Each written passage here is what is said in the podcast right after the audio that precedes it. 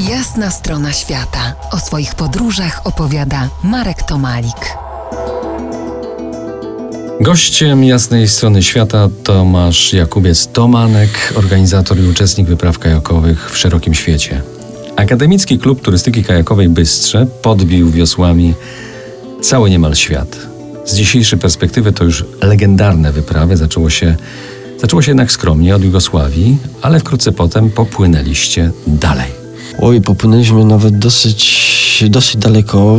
Została zorganizowana wyprawa uznawana obecnie za jedną z najważniejszych eksploracji e, ostatniego wieku, wyprawa Cana Andes. To jest oddzielna historia, warta opisania. Y, Mamy nadzieję, że niedługo historia ta zostanie uwieczniona, bardziej szczegółowo niż tylko w formie takiej opowieści jak ja. Y, Niektórzy mówią Everest dla kajakarzy. Zdecydowanie jest to nawet porównywalne w, przez niektórych do, do tego rodzaju osiągnięcia. E, ta wyprawa trwała 3 lata. Jej efektem było przepłynięcie po raz pierwszy w historii 13 rzek od e, Stanów Zjednoczonych przez Amerykę Łacińską aż do Ziemi Ognistej. A największym osiągnięciem było pokonanie w roku 81 najgłębszego kanionu na świecie, kanionu rzeki Kolka w Peru.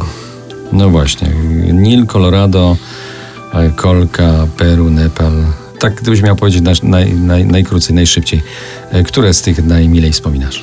Jeżeli chodzi o moje wyprawy, zdecydowanie wyprawa do Afryki, kiedy jakby stawialiśmy kropkę nad i, kto dotarł do źródeł najdłuższej rzeki na świecie, ponieważ do źródeł Amazonki dotarł Piotrek Chmieliński ze swoją wyprawą e, i pierwszy raz przepłynują od początku do końca. My chcieliśmy do, dojechać i pokonać źródłowy odcinek e, drugiej rzeki uznawanej za najdłuższą, czyli Nil, rzekę Kagery wpływającą do jeziora Wiktorii. Udało nam się jako pierwsi w historii przepłynęliśmy w roku 93 100 kilometrów e, tej rzeki od źródeł do ujścia. Wiosła Bystrzaków mieszały też wodę w mojej ukochanej Australii. Pamiętasz, gdzie to było? Całe wschodnie wybrzeże, no, na wschodnim wybrzeżu zostało przepłynięte kilkanaście rzek po raz pierwszy w historii przez polskich kajakarzy. Rzeki bardzo trudne, wymagające.